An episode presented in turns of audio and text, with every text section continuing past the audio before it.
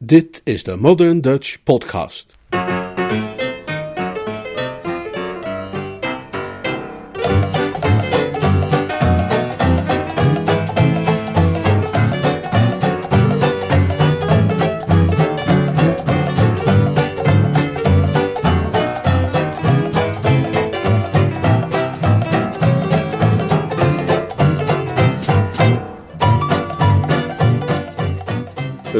Romance in Droidgate Spa.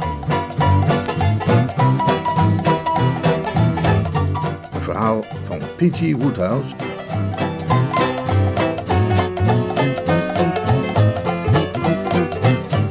Vertaald en voorgelezen door Leonard Beugen.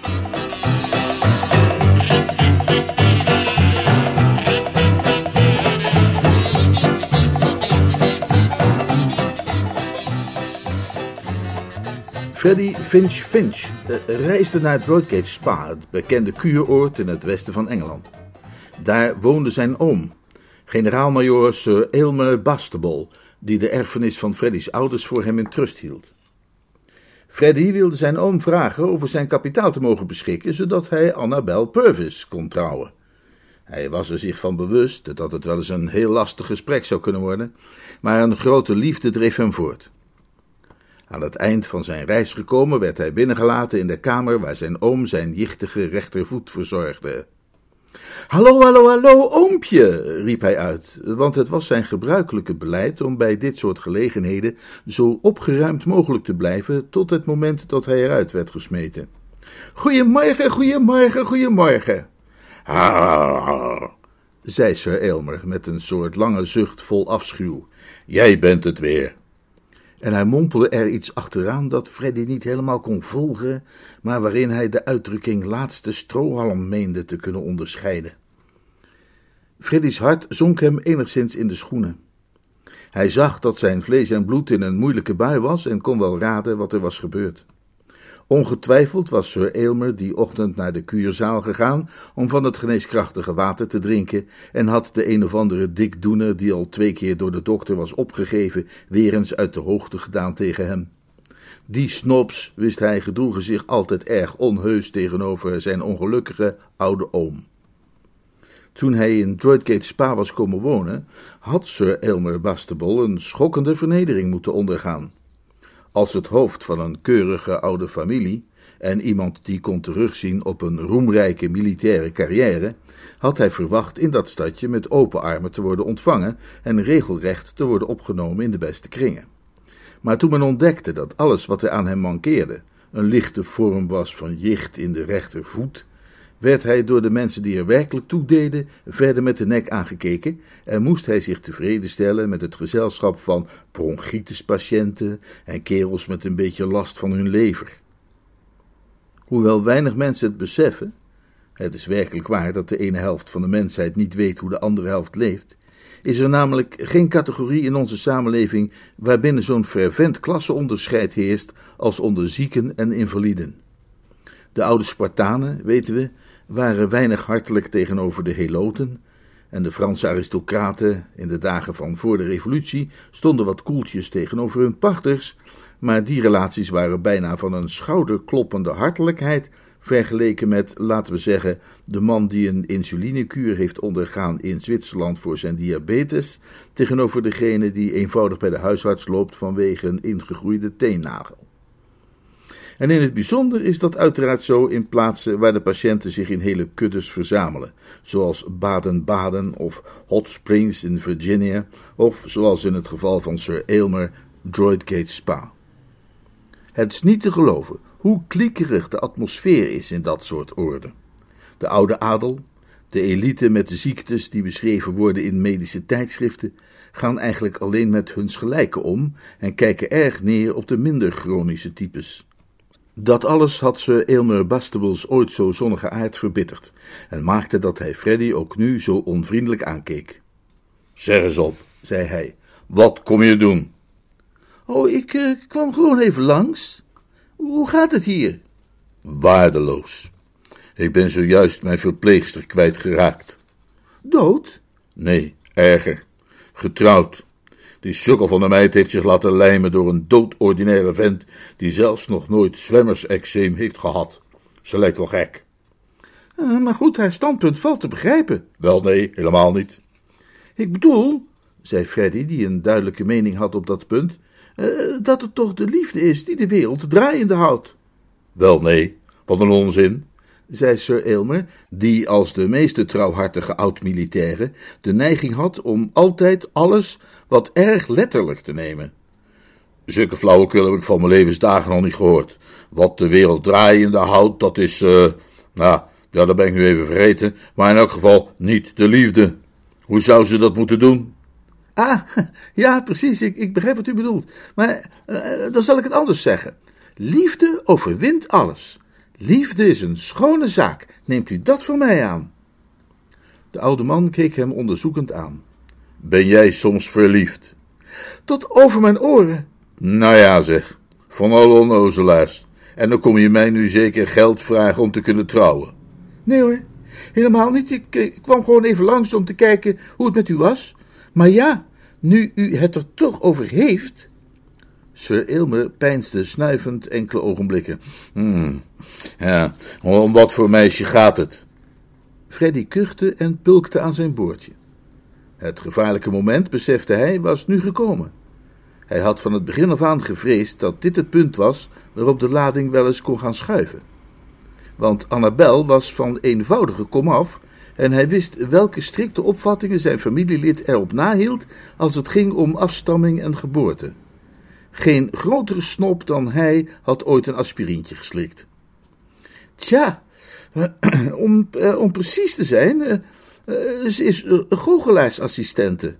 Ze is wat? De assistente van een goochelaar, weet je wel? Ik heb haar voor het eerst gezien bij een liefdadigheidsvoorstelling. Ze werkte bij een figuur die zich de Grote Bologna noemt. Wat voor werk deed ze daar dan? Uh, tja, uh, ze stond achter op het toneel, weet u wel, en af en toe kwam ze dan naar voren lopen om hem een kom met goudvissen aan te geven of iets dergelijks. He? Dan, lachte ze even naar het publiek, deed ze een soort danspasje en liep ze weer naar achteren. U weet wel hoe dat gaat. Sir Aylmer trok een diepe frons in zijn voorhoofd. Ja, dat weet ik, hoe dat gaat. Mijn enige neef heeft ze laten strikken door een bliksemse goudvissenbezorgster. Jongen, jongen, jongen. Nou, strikken zou ik het niet direct willen noemen. Maar ik wel. Maak dat je wegkomt, joh. Uh, juist, zei Freddy. Hij haalde nog juist de sneltrein van 14.35 uur terug naar Londen en tijdens die reis kreeg hij een idee. De laatste der Fitch Fitches was geen groot literatuurliefhebber, maar hij bladerde af en toe wel eens wat in een of ander tijdschrift. En iedereen die ooit in een of ander tijdschrift heeft gebladerd, heeft wel eens zo'n verhaal gelezen over een verbitterde oude kerel die het liefje van de held weigert te accepteren. En wat ze dan doen, is dat meisje met hem kennis laten maken zonder dat hij weet wie ze is. En ja hoor, dan raakt hij helemaal door haar betoverd en dan rukken ze opeens hun masker af en klaar is Kees.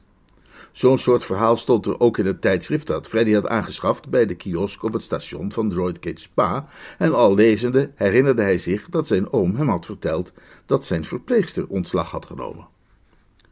Toen de trein op Paddington arriveerde, had hij zijn plannetje helemaal uitgedacht.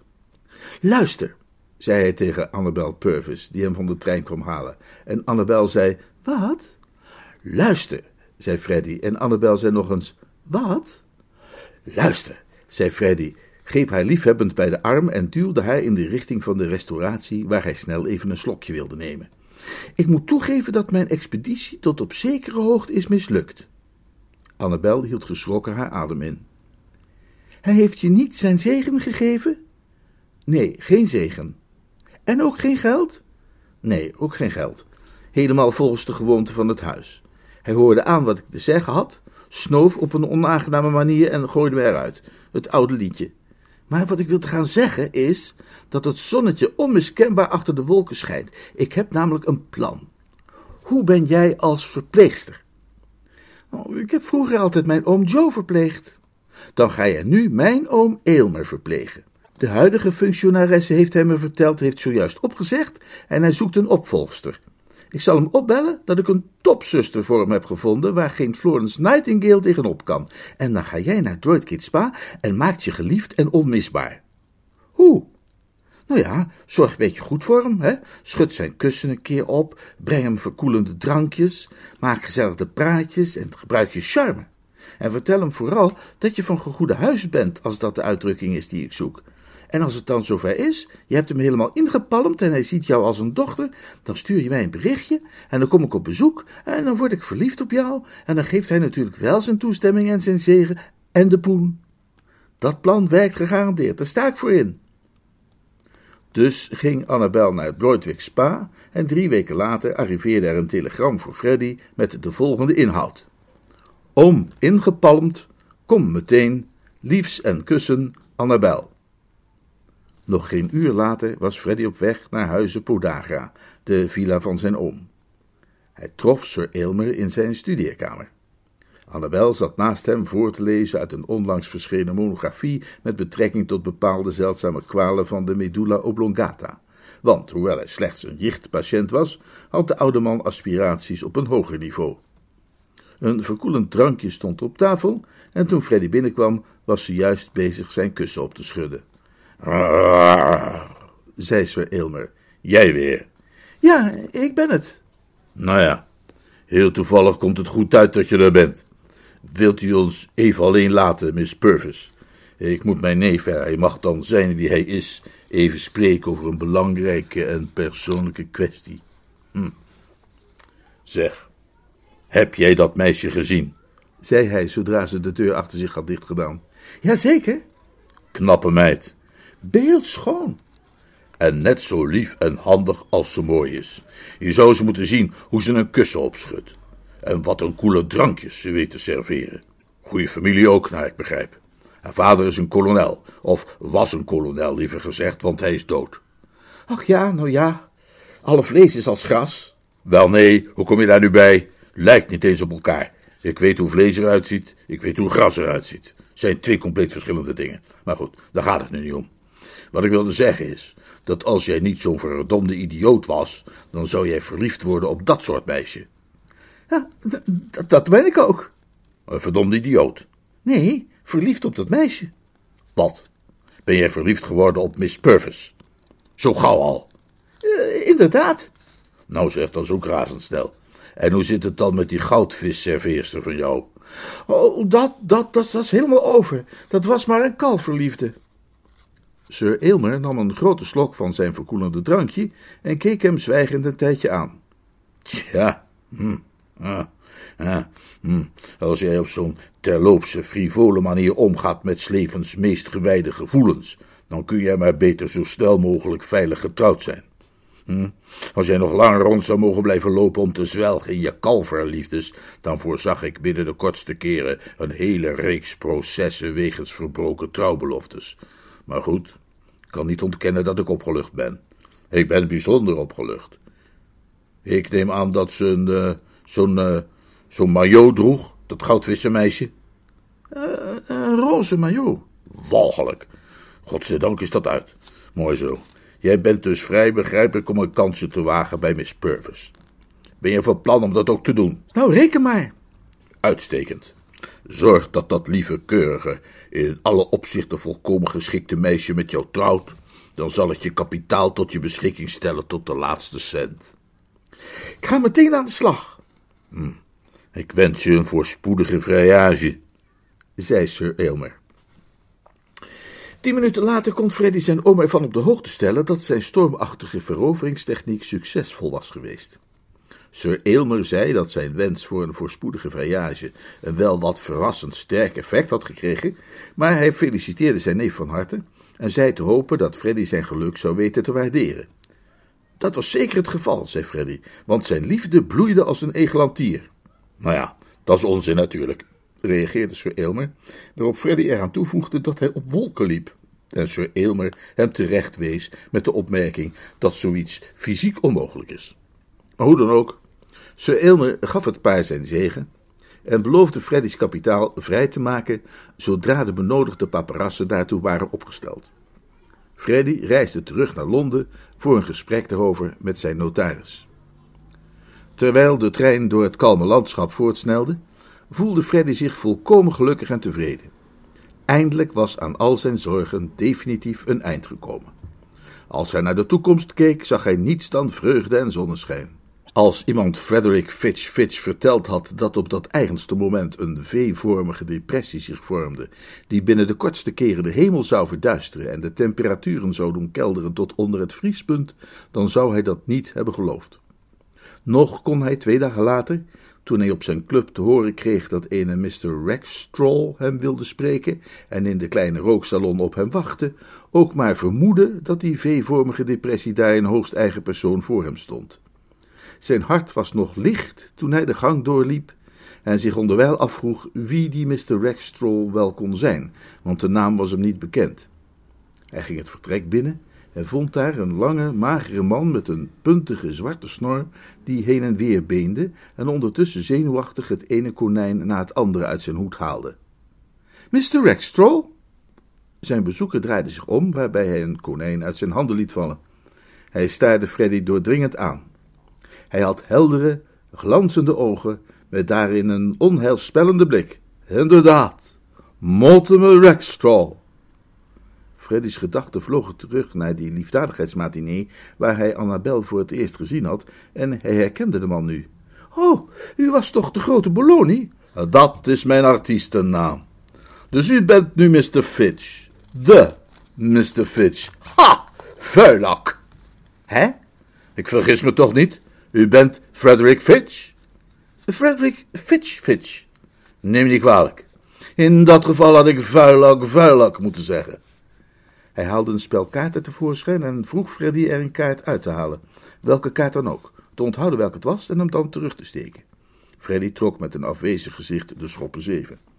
Hij was even behoorlijk de draad kwijt. Hij kon er geen chocola van maken. Hoe bedoelt u, vuilak, vuilak? vroeg hij. De ander wierp hem een minachtende blik toe. Ploert, zei hij en draaide zijn snor op. Ploert? vroeg Freddy, compleet van de wijs. Jazeker, meneer. Ploert, jij hebt de vrouw waar ik van hou van mij gestolen. Ik begrijp het even niet. Dan moet je wel een enorme sukkel zijn. Is toch eenvoudig genoeg, niet? Duidelijker kan ik het toch niet zeggen, is het wel? Ik zeg je dat de vrouw. Nou goed, kijk hier, zei Mortimer Rackstraw. Stel dat ik deze goed ben. En dit konijn, ging hij verder, terwijl hij dat beestje uit de voering tevoorschijn trok, is de vrouw waar ik van hou. Dan kom jij voorbij en hopla, verdwenen is het konijn. Hij zit in uw mouw? Hij zit niet in mijn mouw. En dan zat hij in mijn mouw, en dan had ik duizend mouwen, met duizend konijnen erin. Dat zou nog niets afdoen aan het feit dat jij mij valselijk hebt beroofd van Annabel Purvis. Freddy begon net te snappen. Hij kon zich in de gevoelens van de ander wel inleven. Oh, ah, dus u houdt ook van Annabel? Ja. Dat is niet zo gek. Schat van een meid toch? Ja, ja, ik snap het. U, u heeft haar steeds in stilte aanbeden en haar nooit van uw liefde durven spreken. En of ik van mijn liefde gesproken heb. Wij waren verloofd. Verloofd? Jazeker. Maar vanmorgen krijg ik opeens een brief van haar dat ze het uitmaakt, want dat ze van gedachten is veranderd en nu met jou gaat trouwen. Ze heeft me de bons gegeven. Oh, ah, ah, nou, ja, dat spijt me dan erg. Mijn hartelijke medeleven en dat soort dingen meer. Maar ik zou echt niet weten wat ik daaraan zou kunnen doen. Ik wel. Er is altijd wel een manier om wraak te nemen. Ja, nee, zeg, kom op nou. Je gaat hier toch niet moeilijk over doen? En of ik hier moeilijk over ga doen. Op dit moment kom jij als winnaar uit de strijd. Maar denk vooral niet dat het daarmee afgelopen is. Van mij ben jij voorlopig nog niet af. Loop geen stukken na. Jij mag mij dan de vrouw waar ik van hou hebben ontstolen met je achterbakse streken, maar ik krijg jou nog wel. Hoe dan? En dat doet er nu even niet toe, hoe dan? Daar zul je gauw genoeg achter komen. Een forse klap zal het wel voor jou zijn, vriendje, en daar zal je ook niet te lang op hoeven wachten. Reken daar maar op. Zo zeker, zei Mortimer Rextroll terwijl hij een kaart uit Freddy's borstzakje haalde, als dit schoppen zeven is. Ik wens je nog een heel plezierige middag. Hij raapte zijn hoge hoed op, die hij in de consternatie had laten vallen, wreef hem op met de mouw van zijn jasje, haalde er een kooitje met twee witte tortelduiven uit tevoorschijn en ging er vandoor. Even later kwam hij terug, boog een paar keer naar rechts en naar links en verdween opnieuw. Als ik zou zeggen dat Freddy zich na deze scène niet een beetje ongemakkelijk voelde, zou ik liegen. Er was iets geweest in de zelfbewuste manier waarop de ander over wraak had gesproken, dat hem niet had bevallen. Zijn woorden hadden een sinistere klank gehad, en de hele verdere dag had Freddy erover gepiekerd wat een man die er zo in getraind was van alles uit zijn hoge hoed te halen, nog voor hem in petto mocht houden. Het was in die bedachtzame stemming dat hij ging slapen, en pas de volgende morgen voelde hij zich weer een beetje gerust. Nu hij er een nachtje over geslapen had, kon hij dat verontrustende gesprek veel beter in het juiste perspectief zien en kwam hij tot de conclusie dat de geuite bedreigingen niet meer dan loze praatjes waren geweest. Wat kon zo'n goochelaar nu helemaal beginnen, zei hij tegen zichzelf. We leefden tenslotte niet meer in de middeleeuwen, toen dat soort lui nog betoveringen over je konden uitspreken of je in allerlei dingen veranderen. Nee, loze praatjes waren het geweest, daar was hij nu wel zeker van. En volledig gerustgesteld had hij juist een sigaretje opgestoken en droomde hij alweer van het meisje dat hij beminde, toen er een telegram voor hem werd binnengebracht. En daar stond in: Kom meteen, alles mis, ondergang dreigt, liefs en kussen, Annabel. Een half uur later zat hij in de sneltrein richting Droidgate Spa. Toen hij de trein instapte, was het Freddy's bedoeling geweest om de reis te besteden aan ernstige overpeinzingen. Maar zoals dat altijd gaat wanneer men zich tijdens een treinreis eens goed wil concentreren en hard nadenken, trof hij een babbelzieke medereiziger in zijn coupé. De reiziger, die Freddy het nadenken onmogelijk maakte, was een vatsige, dikke kerel van middelbare leeftijd, gekleed in een rood vest, bruine schoenen, jacket en bolhoed. Ook als hij zwijgzaam was geweest, had Freddy het met zo'n uitzicht vervuilende medepassagier al moeilijk gehad, maar nu zat hij zich werkelijk op te vreten, terwijl de bontgekleurde zeurpiet maar doorkwetterde. Het duurde bijna een uur eer hij bevrijd werd van Smans eindeloze gebabbel, maar tenslotte begon hij toch te knikkenbollen en kort daarna zelfs te snurken, zodat Freddy eindelijk de kans kreeg zijn gedachten weer op een rijtje te zetten. Hoe verder de trein reed, hoe minder hoopvol die gedachten werden. En wat zijn mentale spanning in het bijzonder opvoerde, was het gebrek aan details in Annabels telegram. Het bood hem een angstaanjagend breed spectrum aan onplezierige speculaties. Alles mis, bijvoorbeeld. Dat was een zinnetje waar een mens al heel veel verschillende dingen bij kon bedenken. En ondergang dreigt. Wiens ondergang, vroeg hij zich af, werd bedreigd. En door wie? Hoewel hij natuurlijk Annabels zuinigheid prijzenswaardig vond, en het heel knap was dat ze het hele bericht tot negen woorden had weten te beperken, had hij het toch ook wel fijn gevonden als ze er nog twee pennies tegenaan had gegooid en zich net iets duidelijker had uitgedrukt. Maar één ding wist hij zeker.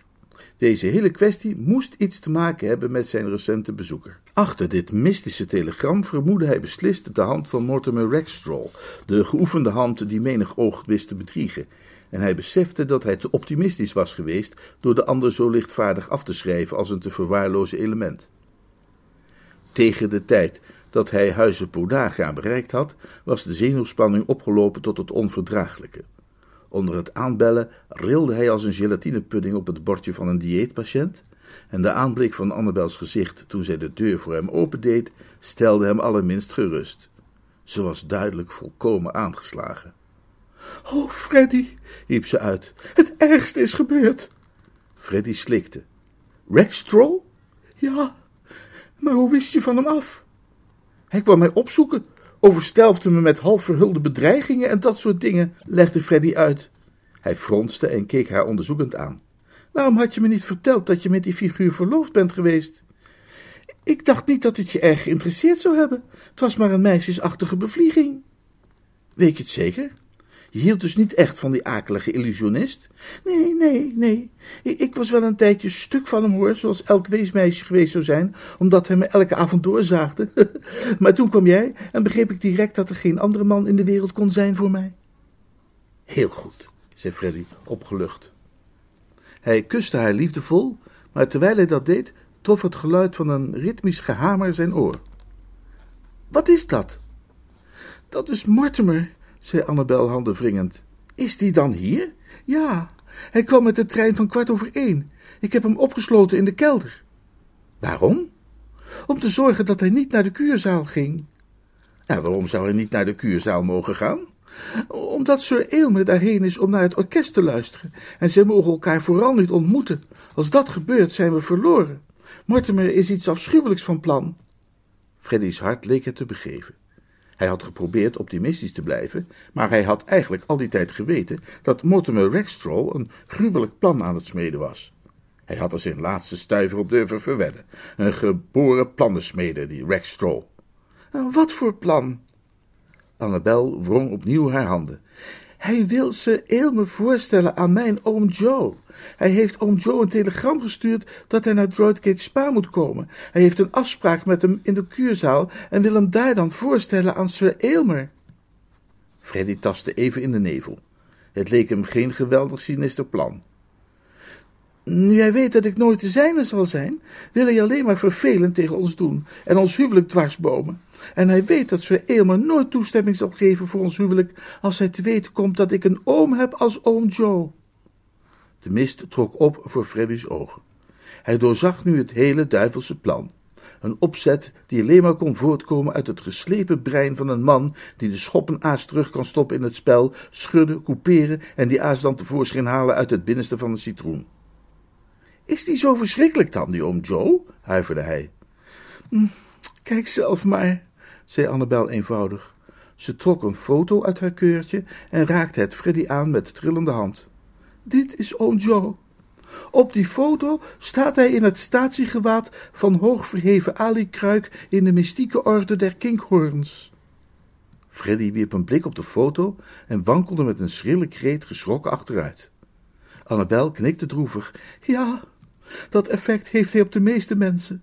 De enige flauwe hoop die ik heb, is dat hij niet heeft kunnen komen. Maar als hij wel. Hij is wel gekomen, zei Freddy, die even naar adem had moeten zoeken. We zaten samen in de trein. Wat? Ja, hij zit vast nu al in de kuurzaal te wachten. En Mortimer kan zich elk moment uit die kelder bevrijden. De deur is niet zo sterk, die breekt hij makkelijk kapot. Wat moeten we doen? We kunnen maar één ding doen. Ik heb alle stukken hier. Is hij dan al door die deur heen? Nee, juridische stukken bedoel ik. De paperassen die mijn oom moet ondertekenen, zodat ik over mijn geld kan beschikken. Als ik nu razendsnel naar die kuurzaal ga, is er een kans dat ik zijn handtekening kan lospeuteren voordat het ergste gebeurt. Snel, rennen dan, riep Annabel uit. Doe ik, zei Freddy. Hij gaf haar een snelle kus, greep zijn hoed en ging er als een speer vandoor. Een man die probeert het record te verbeteren op de afstand tussen huizen Podagra, gelegen aan de arterioscleroselaan, en de kuurzaal in het centrum van Droidgate Spa, heeft weinig tijd voor reflectie. Toch lukt het Freddy om af en toe even na te denken terwijl zijn voeten over het plaveisel scheerden, en juist die gedachten gaven zijn voeten nieuwe vaart. Hij had niet sneller kunnen rennen wanneer hij een personage was geweest uit een stomme filmcomedie die op de hielen werd gezeten door de politie. En er was reden voor die haast. Zonder meer. Annabel had gelijk gehad toen ze zei dat Sir Aylmer nooit toestemming zou geven voor hun huwelijk, als hij had ontdekt dat zij een oom had als haar oom Joe. Oom Joe zou een volstrekt verkeerde indruk op hem gemaakt hebben. Als die twee elkaar zouden ontmoeten, was het wel zeker dat die hooghartige oude man zijn veto zou uitspreken over de voorgestelde echtvereniging. Een laatste spurt bracht hem hijgend op de stoep van de kuurzaal. Hij ging de ronde zaal binnen waar toet beschaafde Droidgate Spa zich smiddags placht te verzamelen om naar het harmonieorkest te luisteren. Hij zag Sir Aylmer op een stoel zitten aan de andere kant van de zaal en haastte zich naar hem toe. Ah, zei Sir Aylmer, jij weer. Freddy kon alleen maar ja knikken. Kom aan, stop eens met de geheig en ga zitten, zei Sir Aylmer. Ze gaan net dichter ontbouwen spelen. Freddy vond zijn adem terug. Oom, begon hij, maar het was te laat. Terwijl hij nog sprak, zwaaide de dirigent al zijn stokje en nam het gezicht van Sir Aylmer die deegachtige uitdrukking aan van eerbiedige aandacht, die we zo goed kennen van de gebruikelijke koperconcerten in kuurorde. Sst, zei hij. Van de ontelbare miljoenen die ooit naar harmonieorkesten hebben moeten luisteren die Dichter und Bauer speelden, kunnen maar weinigen dat met zoveel rusteloosheid en ongeduld hebben gedaan als Frederick Fitch Fitch op dat moment. De tijd tikte maar door, terwijl elke seconde kostbaar was. Elk moment kon het noodlot toeslaan. En de harmonie speelde maar door alsof de blazers dat hun leven lang wilden volhouden. Het leek Freddy een eeuwigheid te duren totdat de laatste hoempa weer klonk. Oom, riep hij uit zodra de echo's waren verstorven. Sst, zei Sir Aylmer nijdig, en Freddy zag in toffe wanhoop dat men zich schrap zette voor een toegift. Van de onmetelijke scharen die ooit naar harmonieorkesten hebben moeten luisteren die de Raymond-ouverture speelden, kunnen maar weinigen zich zo gruwelijk hebben geërgerd als Frederick Fitch Fitch op dat moment. De spanning werd hem bijna te veel. Dit wachten was een kwelling.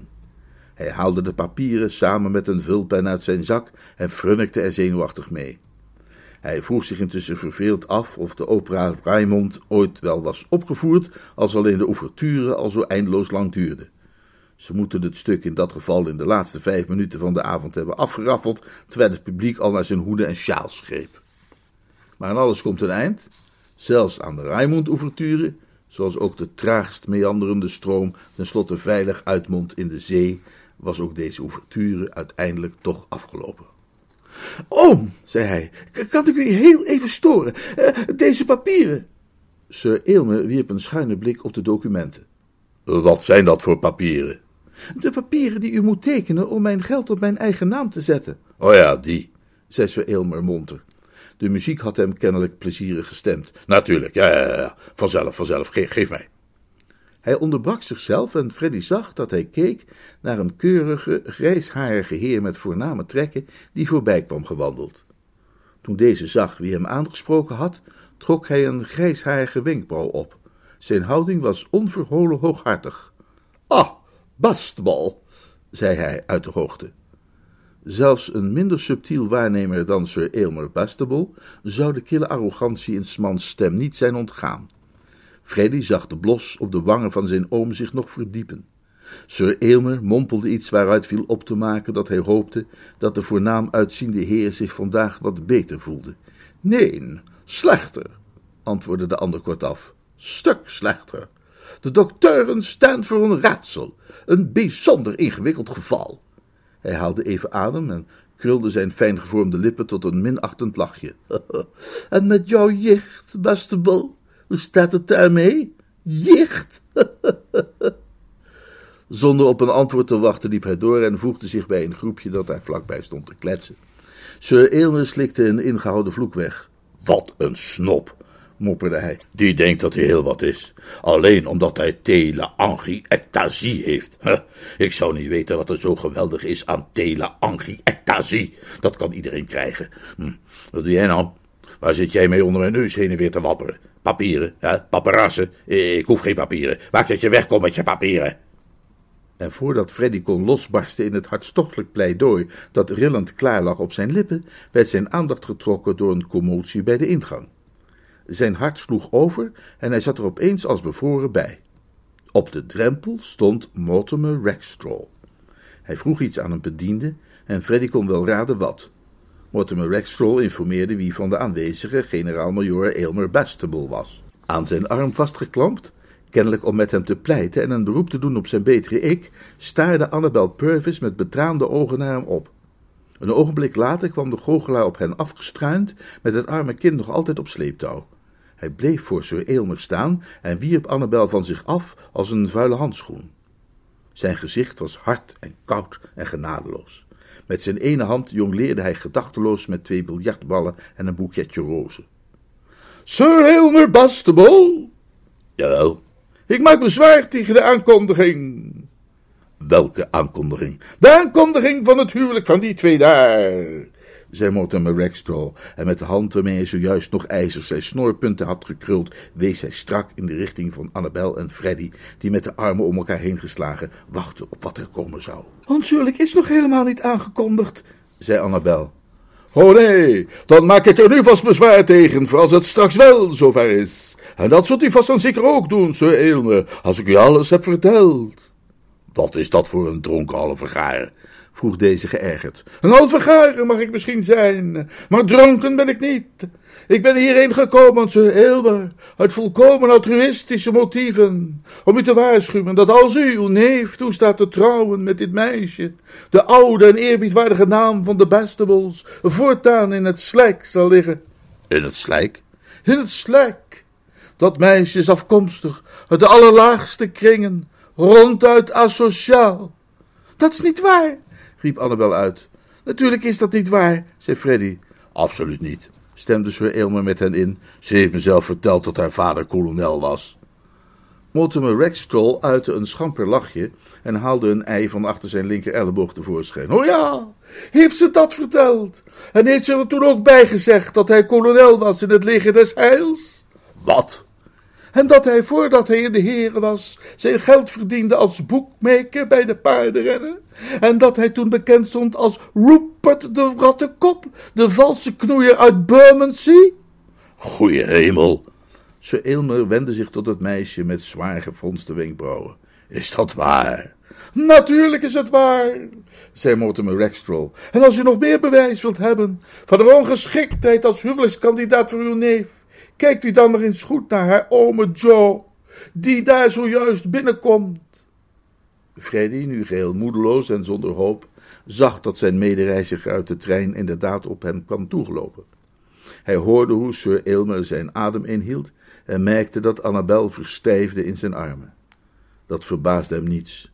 De zon, die door de vele ramen in de ronde zaal naar binnen scheen, wierp een helder licht op Smans vatsige kwabben, zijn jaket, zijn rode vest en zijn bruine schoenen, en zelden of nooit, dacht Freddy, had de zon in Droidgate Spa een gruwelijker slemiel beschenen. In de houding van de nieuwkomer zelf was echter helemaal niets dat erop zou kunnen wijzen dat hij zich in deze verfijnde omgeving niet zo op zijn plaats zou voelen. Hij wandelde binnen met de grootste zelfverzekerdheid, kwam op hen af, sloeg de goochelaar zonder de minste gêne op de schouder en kneep Annabel zachtjes in de wang. Goei, Mort! Goei, Annie, schatje! Sir Aylmer, die met zijn ogen had staan knipperen, even had geduizeld, maar zich tenslotte weer had hersteld, sprak hem aan met donderende stem. U, meneer, is dat waar? Zeg het eens, gozer. Bent u de oom van dit meisje? Ja, dat klopt. zei Sir Aylmer. Hij zou nog wel meer hebben willen zeggen, maar op dat moment barstte de harmonie uit in pump en circumstance en moest iedere poging tot conversatie voorlopig worden uitgesteld. Toen het eindelijk weer mogelijk werd de menselijke stem met enig succes te verheffen, was het Annabels oom Joe die het eerst het woord nam. Hij had Freddy inmiddels herkend. Hé, hey, jou ken ik toch? Wij zaten samen in de trein hierheen. Wie is die knul, Onnie, die jou staat te bepotelen? Dat is de man met wie ik ga trouwen. Dat is niet de man met wie hij gaat trouwen, zei Sir Aylmer. Oh jawel, ik ben de man met wie ze gaat trouwen, zei Freddy. Nee, je bent niet de man met wie zij gaat trouwen, zei Mortimer Rackstraw. Annabels oom Joe leek enigszins in de war gebracht. Hij kon kennelijk niet erg wijs worden uit deze weerwar van meningen. Nou ja, zoek dat maar een keer onder elkaar uit, zei hij goedsmoeds. Maar wat ik wel weet is dat wie er ook met Onnie trouwt, hij er een goede vrouw aan zal hebben. Dat ben ik dus, zei Freddy. Daar komt niets van in, zei Sir Aylmer. Jawel hoor, zei Annabel. Absoluut niet, zei Mortimer Rackstraw. Want, ik weet zeker, ging oom Joe verder, dat niemand ooit een lievere nicht heeft gehad. Ik zal nooit vergeten hoe ze altijd mijn kussen lekker opschudde en me verkoelende drankjes bracht als ik in het ziekenhuis lag. Sir Aylmer, die bezig was absoluut niet, absoluut niet, absoluut niet te zeggen, zweeg abrupt en hapte naar adem. Eh, ziekenhuis, zei hij. Heeft u in het ziekenhuis gelegen? Mr. Boffin lachte wat medelijdend. of ik ooit in het ziekenhuis heb gelegen, nou, dat is een goeie. Daar zouden die jongens van de geneeskundige raad smakelijk om kunnen lachen. Gaat bij het Sint-Lucas gasthuis maar eens vragen of Joe Boffin wel eens in het ziekenhuis heeft gelegen. Of bij het Sint-Christoffel. Joh, ik heb het grootste deel van mijn leven in ziekenhuizen gelegen. Als kind begonnen met een ongeboren hypertrofische pylorustinose en daarna nooit meer zonder gezeten. Sir Aylmer trilde heftig. Een blik van uiterste bewondering was in zijn ogen gekomen. Een blik als van een jochie dat de wereldkampioen zwaargewicht in levende lijven mag aanschouwen. Zei u dat uw naam Joe Boffin was? Ja, dat klopt. Toch niet de Joe Boffin, de man uit dat interview in het kerstnummer van The Lancet? Ja, dat ben ik. Sir Aylmer deed spontaan een stap naar voren. Ha, mag ik u de hand schudden? Nou, geef me de vijf. Ik ben er trots op u te mogen ontmoeten, eh, Mr. Boffin. Ik ben een van uw grootste bewonderaars. Nou, dat vind ik, dat vind ik hartstikke aardig dat je dat zegt, beste kerel. Uw loopbaan is voor mij uh, een bron van inspiratie geweest. Is het werkelijk waar dat u harttrombose en vesiculair longemfyseem heeft gehad?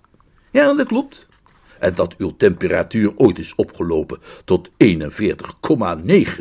Twee keer zelfs. Ja, toen had ik last van uh, hyperpyrexie. Sir Eelner zuchtte. Nee, ik ben zelf nooit hoger gekomen dan 39. Joe Boffin klupte hem geruststellend op de schouder. Ja, maar dat is toch ook helemaal niet gek? Nee hoor, absoluut niet slecht. Neemt u mij niet kwalijk, zei een beschaafde stem. Het was de voornaam uitziende grijsharige heer die op hen was afgekomen, de man die Sir Aylmer had aangesproken met Rumbelow. Hij gedroeg zich nogal verlegen, en achter hem stond een heel gezelschap nieuwsgierig toe te kijken en nerveus met de vingers te friemelen. Neem me niet kwalijk, mijn beste Bastable, dat ik zomaar je gesprek onderbreek, maar ik vroeg mij af, uh, uh, en mijn vrienden hier vroeg zich ook af. Ja, wij vroegen ons ook allemaal af, mompelde het hele gezelschap. Of, uh, nu ja, wij hoorden dat de naam Boffin viel. Is het misschien mogelijk, meneer, dat u de heer Joseph Buffin bent? Dat klopt. De Boffin van St. Lucas? Dat klopt. De grijsharige heer leek opeens heel bedremmeld. Hij giechelde zenuwachtig. Uh, mogen wij in dat geval, mijn, vrienden en ik, uh, misschien zeggen hoezeer. Uh, wij zouden erg graag. het is natuurlijk onvergeeflijk u zo lastig te vallen, maar wij zijn allemaal enorme bewonderaars kan me voorstellen dat u al veel te veel wordt aangeklampt door allerlei mensen, Mr. Boffin. Dat, dat iedereen u zomaar aanspreekt natuurlijk. En uh, volkomen vreemd, wil ik maar zeggen. Ah joh, dat is wel goed, beste kerel, dat is wel goed. Altijd blij om fans te ontmoeten. Uh, mag ik mij dan misschien even voorstellen? Uh, ik ben Lord Rumbelow. En dit zijn mijn vrienden. De hertog van Mull, de markies van Peckham, Lord Percy. Aangenaam, aangenaam. Komt erbij zitten, mannen, hè? Dit is mijn nicht, Miss Purvis. Enchanté. En dit is de knul waar ze mee gaat trouwen. Hoe maakt u het? En zijn oom, Sir Aylmer Bustable. Alle hoofden wenden zich in de richting van de generaal-majoor en Lord Rumbelow sprak met bewondering in zijn stem. Is dat waar, Bastable? Trouwt jouw neef werkelijk met een nicht van Mr. Boffin? Mag ik jou dan van harte feliciteren, beste kerel? Wat een eer! Zijn houding vertoonde een lichte beschaamdheid. Hij kuchte. Wij hadden het net over jou, merkwaardig genoeg, beste mijn vrienden en ik. Hm? Wij zeiden juist tegen elkaar hoe jammer het was dat we jou zo weinig zien. En wij vroegen ons af, ja, het was een voorstel van de hertog hier, of jij geen lid zou willen worden van een clubje dat wij samen hebben. Heel, heel klein clubje, maar in, feite behoorlijk exclusief voor ons, ons de twaalf vrolijke ziektegevallen. Maar mijn, mijn beste Rumbelow, natuurlijk. Wij voelen ons eigenlijk al heel lang incompleet zonder jouw aanwezigheid. Dus je voelt er wel voor? Geweldig, geweldig, magnifiek. Misschien kom je zelfs vanavond al even bij ons langs. Ik vrees dat Mr. Boffin, ging hij quasi mismoedig verder, zich uiteraard wel niet zal willen verwaardigen zo'n nederig gezelschap te bezoeken, want anders... Joe Boffin sloeg hem minzaam op de schouder. Maar mijn beste kerel, dat doe ik toch met genoegen, joh. Daar ben ik niks te verwaand voor, hoor. Oh, nee. Nee, maar werkelijk, ik weet haast niet wat ik moet zeggen. Ah, we kennen nou eenmaal niet allemaal Joe Boffins zijn, zeg ik altijd maar. Ah, daar toont zich een ware democratische aard. Tja, ik was van de week nog getuige bij iemands huwelijk. En die man had niks ergers dan een atopische dermatitis. Niet te geloven. Dus u en Sir Aylmer komen vanavond bij ons langs? Oh, geweldig. Wij, wij zullen u een longtonicum schenken dat u volgens mij wel zult kunnen waarderen. Wij zijn bijzonder trots op onze kelder. Een vrolijk algemeen gebabbel barstte los dat het geluid van het orkest bijna overstemde, en Mr. Boffin knoopte zijn vest open om de hertog van Mul het litteken te laten zien dat hij aan zijn allereerste operatie had overgehouden.